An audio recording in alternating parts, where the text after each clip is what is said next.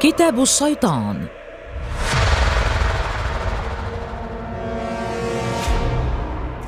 كتاب أو مخطوطة ينضوي على عدة فصول غريبة جدا ومرعبة أيضا.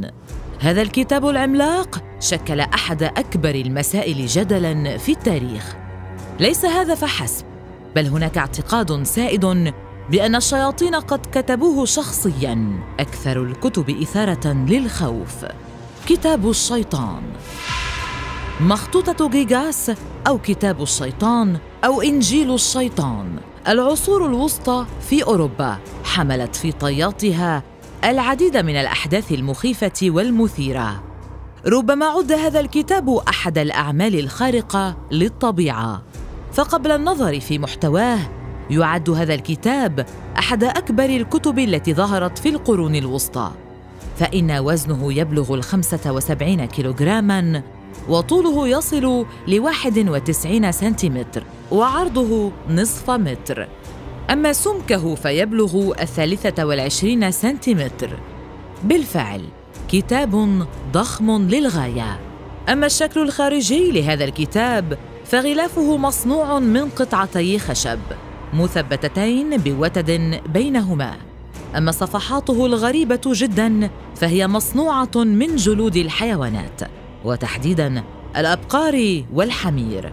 والمثير في الأمر أن كل ورقتين من الكتاب تتطلب سلخ جلد حيوان كامل. فلإكمال عدد الصفحات البالغ 310 صفحات تطلب الأمر سلخ 150 حيوانا.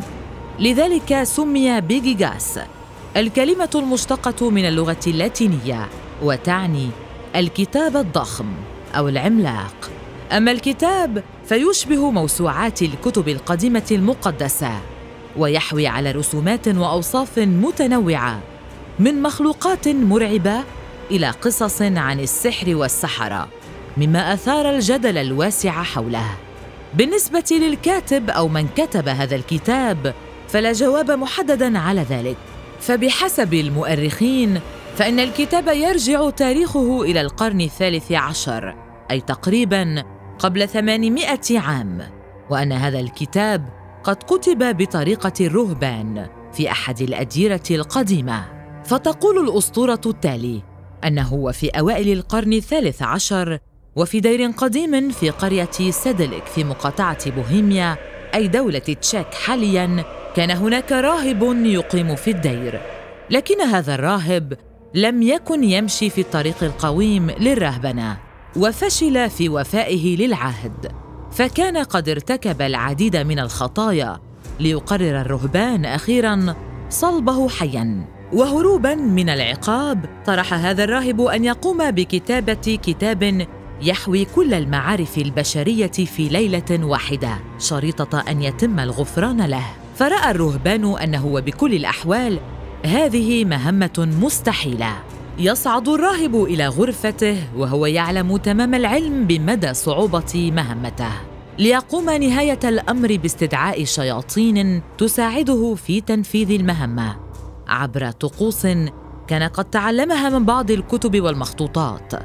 قام هذا الراهب ببيع روحه للشيطان. وبالفعل باشر الراهب والشيطان كتابة هذا الكتاب العجيب. وكان الراهب قد ترك بالفعل عدة صفحات فارغة ليكتبها الشيطان بنفسه ويخاطب البشر مباشرة.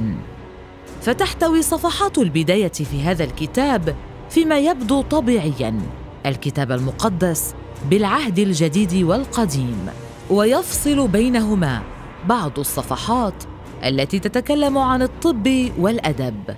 كما يوجد فيه سرد لتاريخ اليهود وبعض من المؤلفات التاريخية لمقاطعة بوهيميا كما حوى رزنامات لأسماء رهبان وأناس ذوي شأن في بوهيميا وتواريخ تكريمهم. ويوجد فيه أيضا تعاويذ ولعنات سحرية كما نصوص تخص طرد الأرواح والجن والشياطين كما يوجد بعض من الصلوات والترانيم. التي تخص الأديرة البوهيمية القديمة.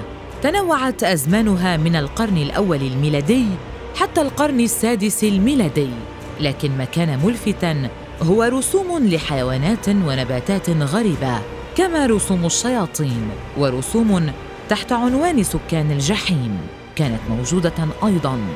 كما يقال أن هناك عشر صفحات من الكتاب قد مزقت وربما كانت تحوي طرق وطقوس استدعاء الشياطين والجن. ولكن لعل الأكثر جدلا هو ما وجد في الصفحات 289 و 290 فتحوي الصفحة رقم 289 صورة لمدينة في السماء مقسومة إلى نصفين ويوجد على جوانبها أبراج في دليل على الأمل والنور.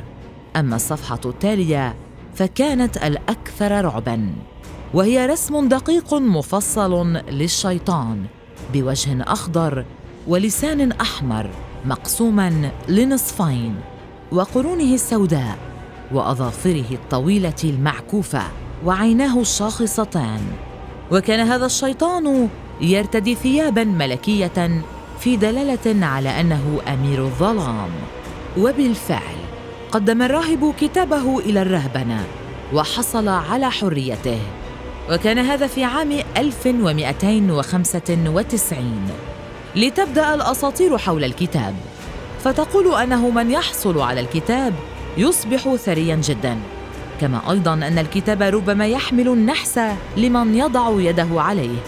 والدلالة هي ما أصاب الملك رودولف الثاني حين استحوذ على الكتاب عام 1594 حيث شب حريق في مكتبته من دون سبب كما هزم أمام الجيش السويدي الذي بدوره استحوذ على الكتاب ليبقى في السويد لمدة خمسة عشر عاماً. ويعود لبراغ عاصمة تشيك نهاية الأمر. أما بحسب خبراء في الخط والكتابة فإن هذا الكتاب يحتاج ثلاثين عاماً لكتابته. كتب مرة واحدة وبنفس الخط ودون تغيير في الطريقة أو في النمط مما يبدو غريبا. التناقض الواضح في هذا الكتاب جعله مثيرا للجدل فوجود نصوص الكتاب المقدس ورسوم للشياطين ومدينة في الجنة خلق هذه المعضلة. فلا أحد ابدا يستطيع معرفة استخدامات هذا الكتاب. فهل الشيطان فعلا هو من كتبه في ليلة واحدة لتبقى أسطورة هذا الكتاب لغزا إلى يومنا هذا؟